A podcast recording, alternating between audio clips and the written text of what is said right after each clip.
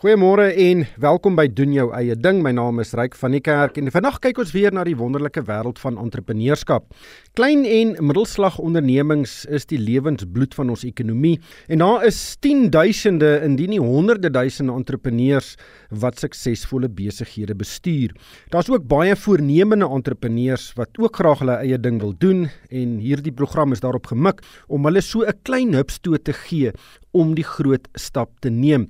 En ek gesels met suksesvolle entrepreneurs en ons luister na hulle stories en hoop hulle kan voornemende entrepreneurs daaruit leer en in die proses die beste geleenthede identifiseer en dan ook die diepste slaggate vermy. My gas vanoggend is François Nel. Nou hy staan in die stuur van die butiek slaghuis Venison Man in George daar in die Suid-Kaap. En soos die naam sê, verskaf dit 'n hele reeks wildsvleisprodukte. François, baie welkom by die program. Vertel vir ons die storie. Waar kom Venison Man vandaan? Môre ryk. Dankie vir die geleentheid. Vandat ek so 4 jaar oud was, het ek saam met my pa begin jagveld toe gaan. Toe ek 7 jaar oud was, het ek my eerste bok geskiet, 'n rooi bok, 'n Malalaan en ja, van daar af aan het aangegaan. Ek was 13 jaar oud toe my pa vir ons 'n plaas gekoop aan die noordelike kant van die Swartberg. En hy het vir my daai tyd gesê ek kan een kudu 'n jaar verniet by hom skiet. Dan moes ek daai kudu bewerk het, biltong, droewors en ja, wat ook al ek nog wil gemaak het met die ding en daai goed verkoop het. En dan as ek nog veel kudus gehad het, mag ek nog geskiet het, maar ek moes dit gekoop het by hom. Maar min wetende het hy daai geld gevat en dit 'n spaarrekening inbetaal. En ek het toe ek klaar was met skool, wou ek landbou gaan swat het. Jy was jonk geweest toe jy nou met hierdie kudu's begin woeker het met jou biltong en droewors en dis meer. Woon waar het jy dit toe verkoop? Waar het jy dit bemark? Kyk, ek het eers baie klein mee begin, sê maar een kudu op 'n slag. En dan het ek dit maar verkoop aan vriende van my maale, my paale en mense wat hulle weer ken. En toe dit later so gegaan dat ek seker flip elke tweede week 'n kudu of twee bewerk het toe ek seker so 13, 14 was en so het dit aangehou. So jy het van jongs af begin sien dat daar is 'n mark en daar's mense wat jou produkte koop. Toe jy gesê jy het gaan studeer, maar ek neem aan jy het nog steeds jou oogie op die wildsvleisbedryf gehad. Ja, toe ek gaan studeer het, het ek nie so baie tyd meer gehad vir dit nie. Maar ek het my eerste jaar klaar gemaak en toe ek my tweede jaar prakties moet doen, toe sien ek dat nee, dis nie eintlik vir my nie. En toe het ek besluit ek wil 'n wildsvleis besigheid begin. En dis toe wat ek begin het 2011. En hoe oud was jy toe? Ek was 25. Maar dis nog 'n groot stap, is 'n groot besluit om te neem. Vertel ons 'n bietjie hoe jy nou gedink het want jy kan seker verskillende tipes wildsvleisbesighede begin. Hoekom het jy toe besluit om 'n slaghuis te begin? Wat eintlik gebeur het was ek het begin uitkyk na 'n perseel om dit te kan doen want ek kon nie meer die goed by die huis doen nie. En toe die perseel wat ek kry was te groot geweest om dit net halfpad te doen. So ek moes besluit, gaan ek of dit doen of of gaan ek dit glad nie doen nie. En toe het ek maar 'n kans gevat. En baie mense het my gesê ek is mal om die kans te vat, maar dit het gewerk vir my. Die perseel waar jy nou is, is dit nog die oorspronklike een? Nee, ek moes intussen net geskuif het. Ek was in 'n perseel gewees, maar ek het ge gesap let by 'n winkelsentrum. En toe die winkelsentrum toegemaak en ja, toe moes ek ook geskuif het daai tyd. Nou vertel ons van daai eerste paar jaar wat jy nou die winkel oopgemaak het. Ek neem aan jy was baie senuweeagtig geweest want dit is 'n groot stap. Daar's baie geld ook betrokke. Vertel ons van daai eerste paar jaar. Ja, kyk ryk, ek het bitter bitter lang ure gewerk daai tyd. My eerste vleis wat ek ingekry het, het ek van 'n ou van Kimberley af gekoop, 'n bietjie bokse onbeende vleis. En toe het ek 'n uh, skiet gekry in die Oorskaap in Patterson waar ek 'n klomp wild gaan skiet het en dit was my begin gewees daai vleis. Maar ja, as jy sê dit was baie geld in die begin, maar ek moet sê ek het my besigheid se openingdag wat op 'n Saterdag en ek kan onthou dit was 'n baie baie suksesvolle dag nog. En dit het my moed gegee. Maar ek het baie lang ure gewerk daai tyd. Het jy voor dit miskien op markte van jou produkte verkoop en so die mark getoets voordat jy nou besluit het kom ek maak 'n winkel oop? Nee, ek het glad nie dit gedoen nie ek het oë toe geknyp en ek het net gegaan vir dit. En daai eerste dag, vertel ons van daai dag, hoe het jy dit gereël en, en wat het daar gebeur? Kyk, die winkel wat ek toe by was was Duggies gewees. So hy daarom hy daarom voete gehad wat in en uit gegaan het by hom. So almal het maar gesien ek is besig om die winkel reg te maak en so het almal gestop en gevra, "Wat gaan julle doen? Wat beplan julle en wanneer maak julle oop?" En ja, so dis maar hoe ek dit gedoen het toe. En hoeveel produkte het jy toe in die winkel gehad? Yes, ek sal moet jy's nou vinnig op my. Ek, weet jy, ek dink ek het daai tyd seker gehad wors, biltong, droewors, mins, goulash, steaks. Seker so 10. Ek as ek moet amsak seker so 10, so 10 lyne wat ek daai tyd gehad het. Nou die besigheid het baie gegroei. Hoeveel het jy nou? Yes, ek weet nie ek kan nie nou vir jou so op, op my vingers net sê hoeveel mos nou baie lyn nou. Ons het baie goed was nou. En die produkte wat jy verkoop, kyk, wildsvleis is 'n interessante bedryf. Daar's baie mense wat mal is daaroor en daar's ander mense wat nou nie so mal is daaroor nie. Maar wat is jou gewildste produkte op die oomblik? Ek sal sê goed soos wors. Want dit is 'n maklike ding, so ek sê hy klaar sy speserye by sy vet by so die ou koop hom en hy maak hom gaar en hy's altyd lekker. En dan steaks ook. Ek verkoop baie baie steaks. Maalvleis.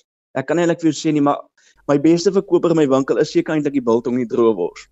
Dis seker maar die meeste. Ek neem aan dis kudu en springbok. Kudu, springbok, eland en ek het bees ook daarso vir die ou wat bees wil hê. En hoe, hoe groot is die winkel? Hoeveel mense werk daar? By my by die winkeltjie self op die kampanje is daar net een persoon wat daarso is en dan by die fabriek is ons met my ses mense. So jy vervaardig of produseer nie jou produkte by die winkel nie, jy het 'n vervaardigingsaanleg of 'n fabriek. Vertel ons van daardie deel van die besigheid. Ja, ek het in die industriële gebiede verwerking vleisverwerkingsplek waar ons al die produkte, die die wild ontbeen en dan die produkte alles daarso maak. Nou is dit 'n 'n groot slaghuis of fabriek of verwerkingsaanleg wat jy daar het? Dis nie baie groot nie, maar dis 'n redelike plek. So ek sê ons is so 6 mense wat daar werk. As dit regtig besig raak, dan kom maar nog en dan so tot 10 toe baie keer. So ja. En waar kry jy jou jou vleis? Dis reg, ek kry dit reg oor die land. Ek het ek het baie boere wat my bel as dit te veel wild het, wat my kontak en vra ek moet kom wild uitskiep by hulle of ek koop by ander ouens wat soortgelyke besighede soos ek het, koop ek by hulle vleis uit ook, klaar onbeende bokse So ja, dit is maar wat ek met vleis kry. So jy gaan nog steeds self uit en gaan skiet nou en dan as jy gevra word om dit te doen. Hoe groot deel van jou tyd spandeer jy daaraan? Jy sien dit wissel van tyd tot tyd op tye. Op tye is dit baie, op tye skiet ek elke week. Op tye gaan daar tye verby wat ons vir 2, 3 weke wat ek skiet nie, maar meestal van die tyd sal ek sê ten minste so elke 2 weke gaan skiet ek self wild ook. Nou, toe jy nou die besigheid begin het, wat was jou grootste uitdagings? Het daar dinge jou in die nag wakker gehou toe? Ja, dit was eintlik maar gewees die grootste uitdagings is om is om vleis te kan hê vir die hele vir die hele jaar. Daar's gewoonlik nog heelwat vleis tot so Oktober toe en dan begin dit bietjie stiller raak. En dan begin die goed eers weer baie raak hierso van Maart maand af, so daai tyd. Dis jou dis jou moeilikste tye daai dat jy genoeg opgestok het vir daai tyd. Ja, dan word natuurlik nie in daardie maande gejag nie. So vries jy dit maar in ek neem aan dis 'n moeilike ding om te beplan want jy wil nie te min vleis hê nie, maar jy wil verseker ook nie te veel vleis hê nie. Ja, kyk aan die begin was ek maar baie bang geweest met hoeveel 'n mens moet 'n beslag aanhou. Maar nou die laaste tyd kyk ek maar hoeveel plek ek het. Ek pak my eie vrieskamer, chock en blok vol en dan hier ek maar nog vriespasie by by nog mense wat ek ook 'n bokse pak. Wat ons doen is ons ontbeen die vleis vacuum dit en boks hulle.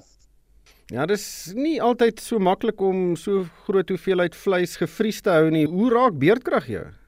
Ja, sien, daai se daai se baie moeilike ene. Die een ou wat ek by ook vries, behalwe vir my eie vrieskamer, hulle het daar 'n baie groot generators wat inskop sodra die krag afgaan. Maar by myself het ek nie nou op die oomblik dit nie. Maar die oomblik as daai ding eers klip hard geëis is, dan hou hy daarom goed. Hy ontdooi nie as hulle in bokse gevries is en is op pellets gepak nie. Ek gesels met François Nel. Hy is die man agter die butiek slaghuis Venison Man in George daar in die Suid-Kaap en hy spesialiseer in wildsvleis. François, dis 'n butiek slaghuis in George. Bemark jy enigsins buite George? Ja, ek verkoop goed buite George. Ek doen nie regtig veel bemarking nie, maar ek verkoop heelwat buite George vir mense wat weet van my plek en by mense hoor en bel, ander restaurante, hotelle en ander vleisplekke ook en dan het ek een of twee paai plekke wat ook by my koop van die Kaap. So ja, hulle hulle hou my besig. Jy sê jy doen nou nie so baie bemarking nie. Hoe die besigheid gegroei? Hoe vinnig het jy gesien daar's meer voete wat by die deur inkom? Kyk dit hou aangroei. Ek wil vir jou sê weekliks sien ons nuwe kliënte en dan almal wat daar kom, ons doen nie bemarking nie, dis my word of mouth. En dan die dametjie by die winkel sê vir my elke week Dan sê sy ja, het nou nuwe kliënte weer gekom, hulle het by daai mense gehoor en dan so gaan dit aan elke week kry jy meer en meer kliënte. Maar is dit nou huishoudings, gewone mense daar in George of is dit uh, restaurante en sulke plekke wat by jou koop? Ek het baie huishoudings wat my koop, mense wat vir huise koop, biltonkies en droewors vir kinders se kosblikkies koop en dan ja, dan het ek restaurante en hotelle ook. Heelwat van hulle wat ook by ons vat. Van hulle kom al hulle goed by die winkel en dan van hulle bel my en dan gelaai ek vir hulle af van die fabriek af. En tans, wat is die grootste probleme wat jy in die gesig staar of uh, jou wakker hou in die nag? Krag. Ek is bang vir ek is bang as daar nie meer krag is nie. Dis waarvoor ek bang is. Dis maar wat my wakker hou. As al jou vleis en vrieskamers so goed is en die krag raak heeltemal op. Ja, maar dit is 'n uh, probleem wat omtrent al die besighede in Suid-Afrika vir hulle 'n uh, werklikheid is. Het jy jou eie kragopwekkers of sonpanele of sonstelsels om nou seker te maak dat dit jou nou nie so erg raak nie? Kyk, soos ek nou net vir jou genoem het, die een die een plek waar ek van my goed vries, het daarom groot generators, kragopwekkers wat aanskop as die krag afgaan. Maar by my by die by die plek self het ek het ek nie van dit op die oomblik nie. Ek het kleiner kragopwekkers, maar ek kan nie my vrieskamer loop op hom nie omdat dit drie fase goed is. So ek is in die proses om te kyk om 'n plan te maak. Ja, ek dink dis 'n baie baie baie groot uitdaging. Nou, is dit belangrik om as jy nou 'n winkel soos dit het om dit mooi te maak? Kan dit jou kliënte noop om meer te koop as wat hulle normaalweg sou en en fokus jy daarop? Kyk, ek dink definitief 'n winkel wat mooi is en saag op die oog trek definitief meer kliënte. En dan sou ook veral jou verpakking van jou goed. Met verpakking kan jy baie groot verskil maak aan 'n ding. As 'n ding netjies gepak is, dit lyk skoon, hy het mooi stikertjies op en alles, dit verkoop definitief baie beter as 'n ding wat sommer net in 'n sak gegooi is en in 'n yskas gegooi is. En wie doen dit vir jou, daardie ontwerpe van daai verpakking? Nee, ek doen dit myself daai. Kyk my mense by die verwerkingsaanleg, hulle hulle sny die goed en verpak dit. Ek moet sê hulle is baie baie netjies met dit. En dan sê ek maar vir hulle om die stikertjies te plak.